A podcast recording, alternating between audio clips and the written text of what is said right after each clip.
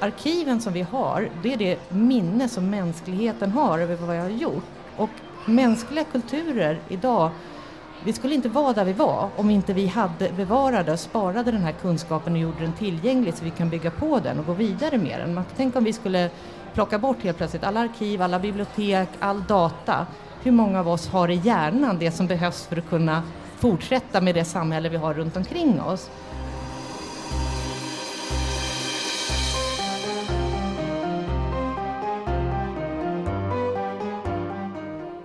Från dammiga arkiv till digitala data. Digitaliserings betydelse för arkeologin. Ja, det var titeln på ett av samtalen som Curie-podden spelade in på Vetenskapsfestivalen Scifest i Uppsala.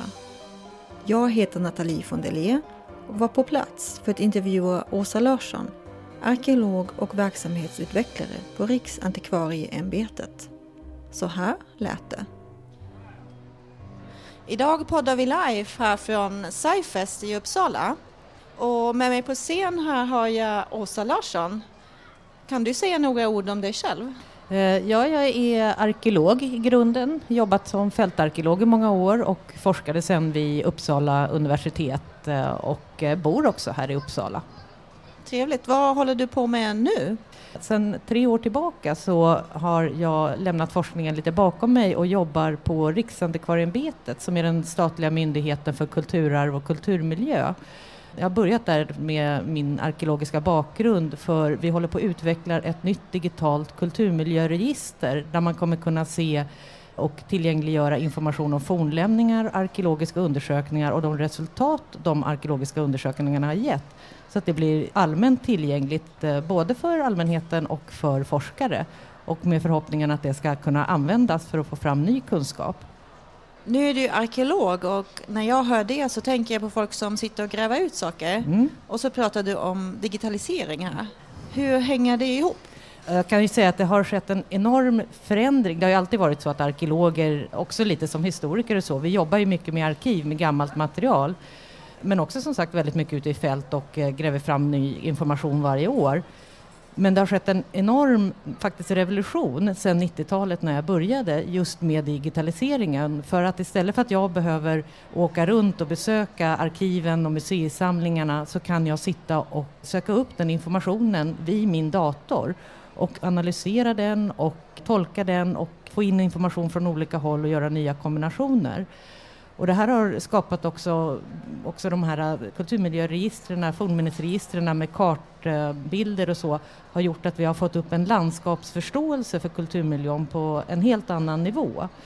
Så många arkeologer nu jobbar oerhört digitalt och jag kan också säga så att ute i fält, det som har hänt på 2000-talet är att den här dokumentationen vi gör när vi undersöker fornlämningar, den är numera till större delen digital. Vi mäter in saker, vi fotograferar saker, vi använder GIS-system som det kallas, eh, geo, geoinformationssystem för att analysera resultaten. Så huvuddelen av vår dokumentation har gått från att vara analog till att bli digital. Men det skapar nya förutsättningar och möjligheter men det skapar också nya stora utmaningar hur vi ska bevara och tillgängliggöra den här digitala informationen. Ja, hur ska man göra då?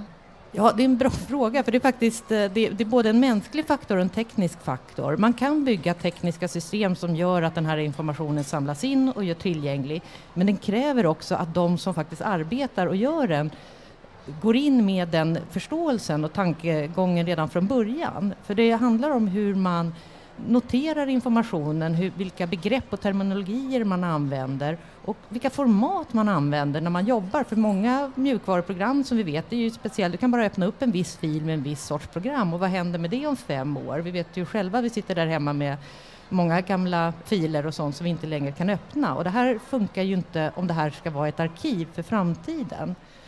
Så det där är en stor utmaning. Vi har löst, en del frågor har man kunnat lösa men mycket tekniskt återstår också faktiskt för arkivarier att lösa kring de digitala frågorna.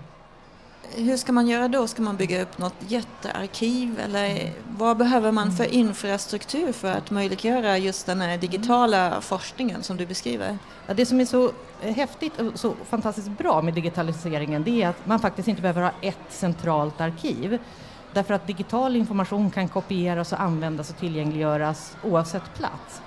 Det enda som krävs är att de som har olika arkiv och olika samlingar och som har digitaliserat in sin information, att de lägger upp den och tillgängliggör den med en teknik som också gör att den är maskinläsbar och går att hitta. Och Wikipedia jobbar ju mycket så till exempel om man lägger upp information och säger att det här är öppen, det här får delas vidare, det är med en öppen licens så kan de hitta det. Och det finns många andra söktjänster. Och eh, Riksantikvarieämbetet till exempel har något som kallas för K-samsök som är en aggregator som samlar in information från museisamlingar och arkiv och gör det tillgängligt för utveckling av nya söktjänster om man vill hitta det. Och det levereras på en europeisk nivå. Så europeiska forskare kan sitta och internationella forskare kan sitta och hitta information och material de är intresserade av. att du håller på och studerar vad som händer under bronsåldern i Europa. Då är du inte bara intresserad av det som händer i just ditt land utan vad som händer i andra länder och hur allt det här hänger ihop. Det skapar väldigt nya stora möjligheter för oss.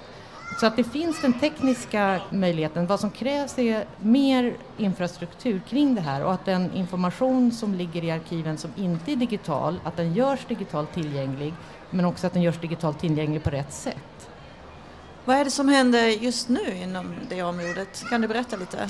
Ja, så dels jobbar vi med kulturmiljöregistret på Riksantikvarieämbetet och den handlar framförallt om fornminnesinformation. Men sen är det mycket diskussioner kring det här med öppen eh, länkad data och att eh, tillgängliggöra just kulturarvssamlingarna. Och det man ska förstå är att arkiven som vi har, det är det minne som mänskligheten har över vad vi har gjort. Och mänskliga kulturer idag vi skulle inte vara där vi var om inte vi hade bevarade och sparade den här kunskapen och gjorde den tillgänglig så vi kan bygga på den och gå vidare med den. Man, tänk om vi skulle plocka bort helt plötsligt alla arkiv, alla bibliotek, all data. Hur många av oss har i hjärnan det som behövs för att kunna fortsätta med det samhälle vi har runt omkring oss? Och det här ser man faktiskt också i förhistorien, att det har skett ibland ekonomiska, sociala och ekologiska katastrofer som har gjort att väldigt mycket information i tidigare kulturer har försvunnit eller förstörts eller hantverkskunskap har försvunnit. Och det tar tid att bygga upp det igen. Man tar inte bara och plockar upp det och, och går vidare utan det har varit i, i perioder då oerhört mycket kunskap har gått förlorad och det har tagit hundratals år att komma tillbaka igen. Problemet nu när vi jobbar digitalt är att det blir väldigt lätt, då sitter jag vid min dator där jag har tillgång till vissa saker digitalt och det är klart att jag tittar först och främst på det. Därför att det kostar tid och pengar att ta mig till ett arkiv och titta på det som inte är digitalt. Det kan också vara känsligt. Det som ligger i arkiven kanske inte går att titta på på riktigt samma sätt. Men då är det en risk att det här, vår kunskap blir väldigt snedfördelad. Att vi bara tittar på det som har hänt de senaste åren och det vi har gjort den senaste tiden. Men vi tappar det här gamla som vi faktiskt har sparat på oss under tusentals år. Och det är ju någonting som allt fler eh, börjar jobba med nu, att försöka, ja men vi måste faktiskt tillgängliggöra den här gamla informationen. Vi sitter nu och jobbar digitalt, då måste vi se till att också den här gamla informationen finns tillgänglig digitalt. För annars är det risk att vi glömmer den. Människan är lite så här, vi, går, vi gör det som är enklast och går snabbast och då är det lätt att man tappar den här gamla informationen som faktiskt finns där vi behöver tillgång till vår historia för att kunna ha en framtid. Ja, alltså har man inte perspektiv bakåt så är det faktiskt omöjligt att ha perspektiv framåt. När jag började plugga arkeologi, jag hade inte egentligen tänkt bli arkeolog, jag hade tänkt bli historiker, men jag blev så tagen över den här enorma tidsrymden, det som vi kallar historia, där det finns eh, skriftliga källor och ordentligt material, det är kanske 2 procent utav hela mänsklighetens historia, hela mänsklighetens tid på den här planeten. Och det har hänt oerhört mycket och vi kan få upp jättemycket information hur vi har påverkat vår planet, hur vi har påverkat våra miljöer, olika typer av kulturer och eh, traditioner som har funnits, vilket sätter dagens samhälle i perspektiv. Så det här tidsdjupsperspektivet som arkeologin bidrar med, det tycker jag är minst lika viktigt idag som, eh, som någonsin tidigare.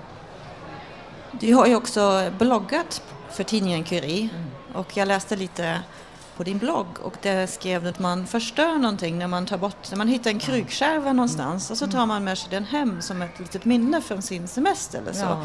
Kan du berätta lite om det för de som lyssnade? Ja, alltså det som jag själv inte riktigt förstod det är att eh, särskilt om vi tittar på museer och vi har föremål, de här föremålen är jättefina men de är egentligen värdelösa forskningsmässigt om vi inte också har information om vad vi kallar för kontexten, sammanhanget. Var har det hittats? I vilken typ av sammanhang? Kom det här föremålet i en grav? Kom det i en boplats? Verkar den ha flyttats från en annan plats? Den tillverkats på ett ställe men hamnat på ett annat ställe? Den här kontextuella informationen är oerhört viktigt och det är därför också plundring av fornlämningar är en sån katastrof.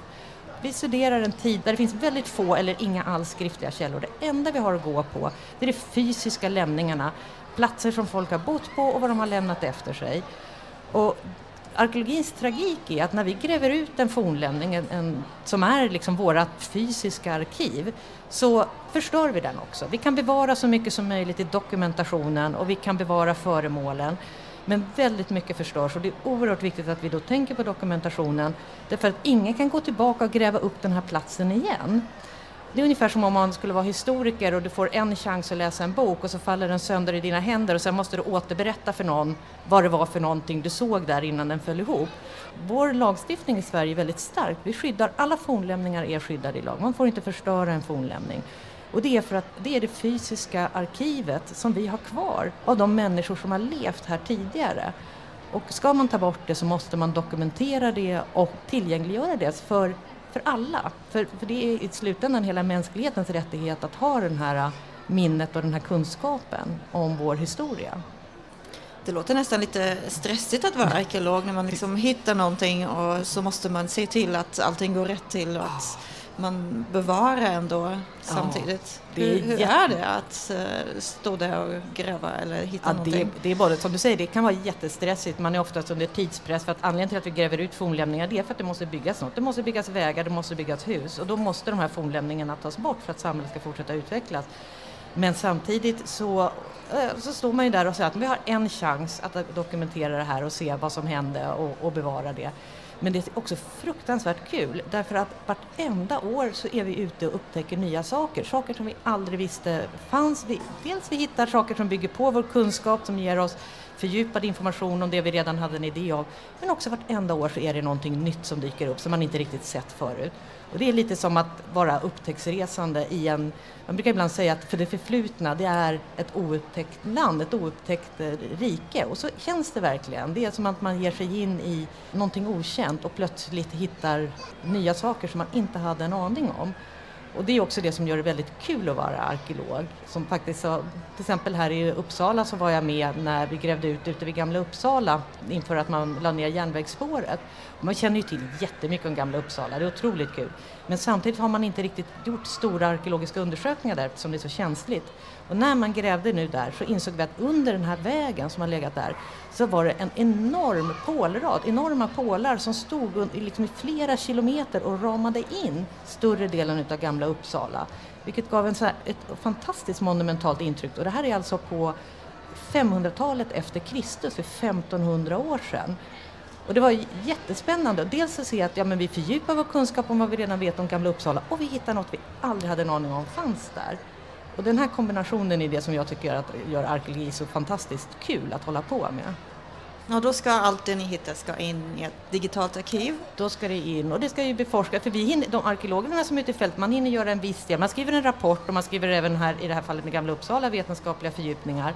Men det finns ju oerhört mycket mer som man kan göra och det är meningen att det ska vara så och det är därför fynden ska till ett museum och det är därför dokumentationen och informationen ska tillgängliggöras av Riksantikvarieämbetet. Så att nästa omgång forskare kan komma, och det kan vara, det behöver inte vara arkeologer, det kan vara biologer som vill se hur djurlivet har förändrats, det kan vara klimatforskare, det kan vara de som studerar geologiska förändringar. Så det finns alla möjliga ingångar i det arkeologiska materialet. Och sen när det blir tillgängligt då, då tänker jag genast lite på som man kallar för open science eller mm. öppen vetenskap. Då kan ju alla få tillgång till det och kan mm. jobba med det materialet. Mm. Ja, och det är ju jätteviktigt därför att saken är den, det som är roligt med forskningen och vad det går ut på egentligen, det är att man ska komma på att ställa frågor som ingen annan har ställt förut och kombinera informationer som ingen annan riktigt har tänkt på att kombinera.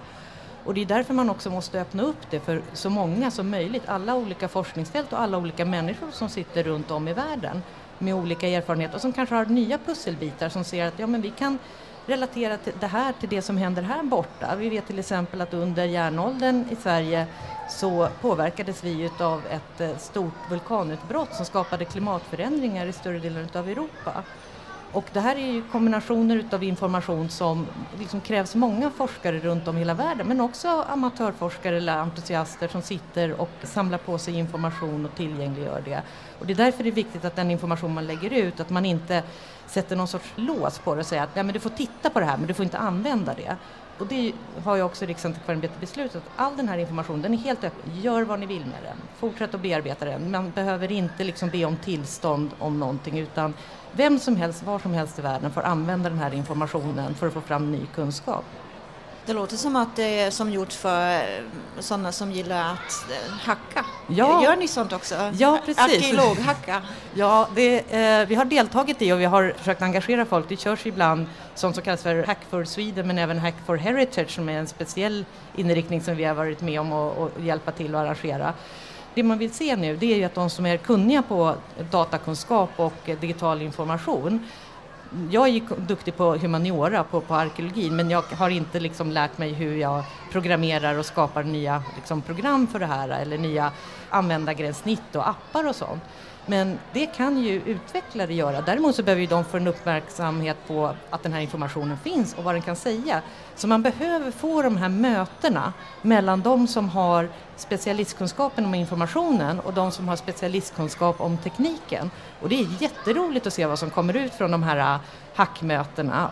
Det som har varit väldigt roligt i det här projektet jag deltar på, på Riksantikvarieämbetet, då har vi jobbat mycket med utvecklare att de tycker ju också att den här informationen blir, blir väldigt kul och kommer med nya idéer. Och ja, men har ni tänkt på att ni skulle kunna göra så här och så här som vi aldrig har tänkt på, självklart. Så det är jätteviktigt att få det här mötet mellan digitalt kunniga utvecklare och de som kanske sitter på mer specialinformation om olika forskningsfält. För då händer det verkligen spännande saker.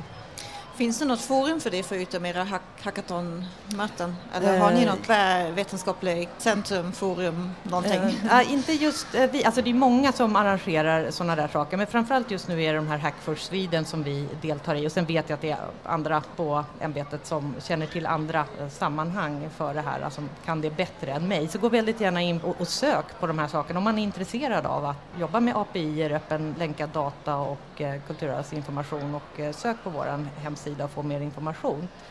Och sen vet ju jag att det är många universitet också som nu har börjat jobba mer med digital humaniora. Här i Uppsala har man börjat jobba mer med digital humaniora och börjat bygga upp ett digitalt humaniora-centrum på humanistiska fakulteten och det tycker jag att man ska ta och titta närmare på och följa vad som händer där. Linköping håller också på och jobbar med digital humaniora.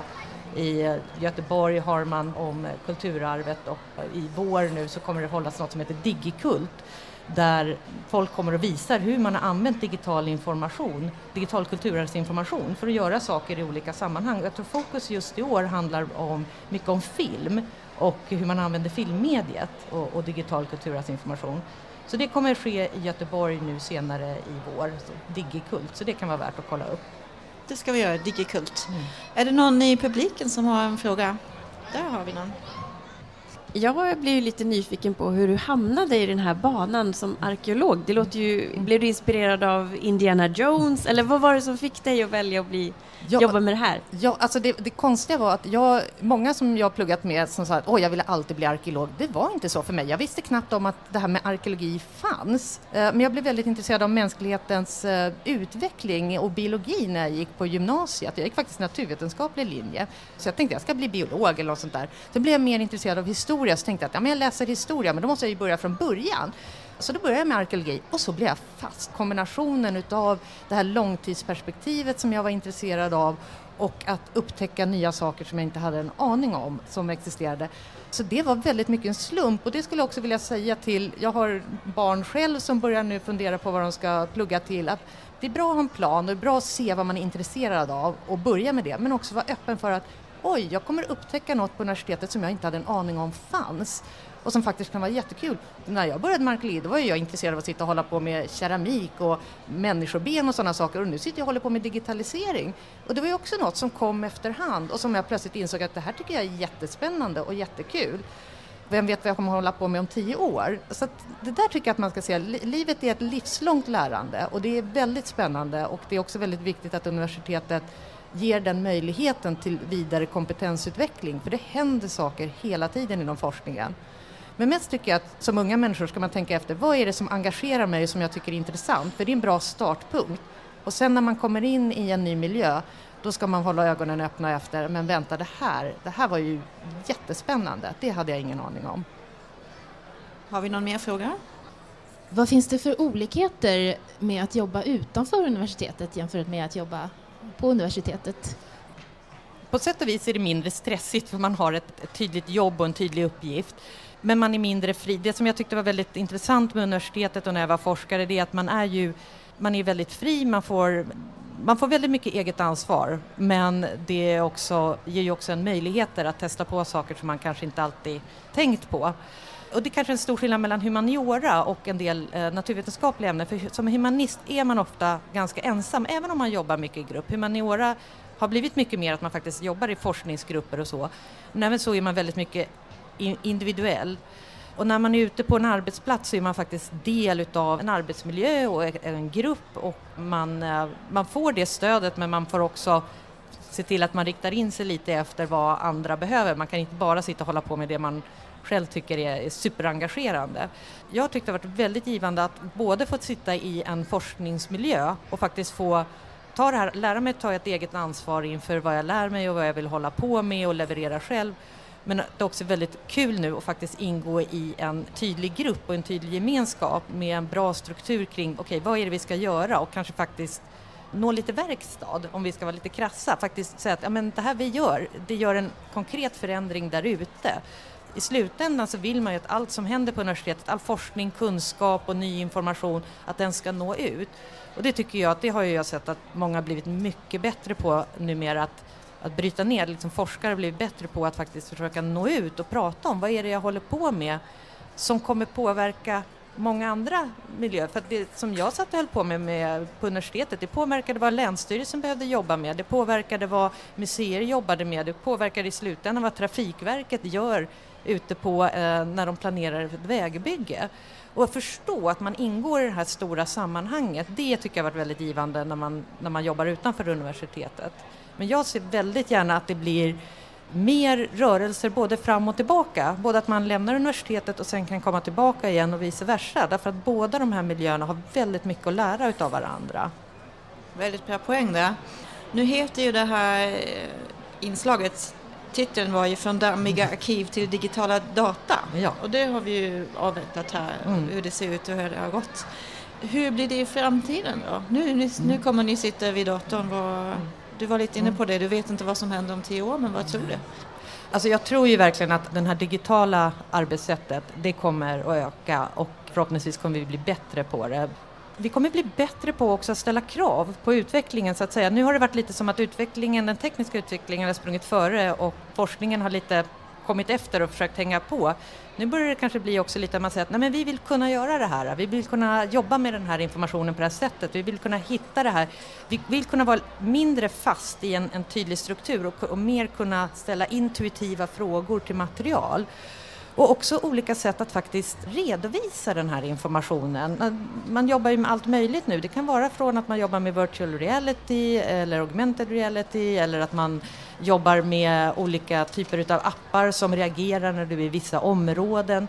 Att man tänker mer på det här att söka upp folk där de är med den information som finns.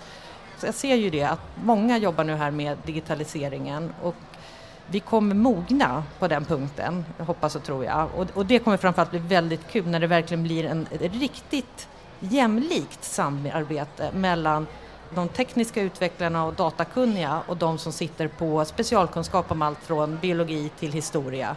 Då kommer det bli väldigt, väldigt spännande. Det ser vi fram emot. Mm.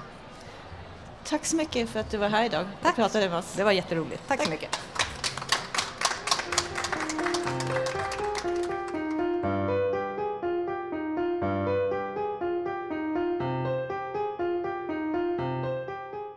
Du har lyssnat på Curie-podden, en podd om forskningens villkor. Det här avsnittet spelades in på Vetenskapsfestivalen SciFest i Uppsala. Tack för att Curie-podden fick vara med. Åsa Larsson har tidigare också bloggat för tidningen Curie. Hennes blogg och mer om forskningens villkor hittar du på tidningencurie.se.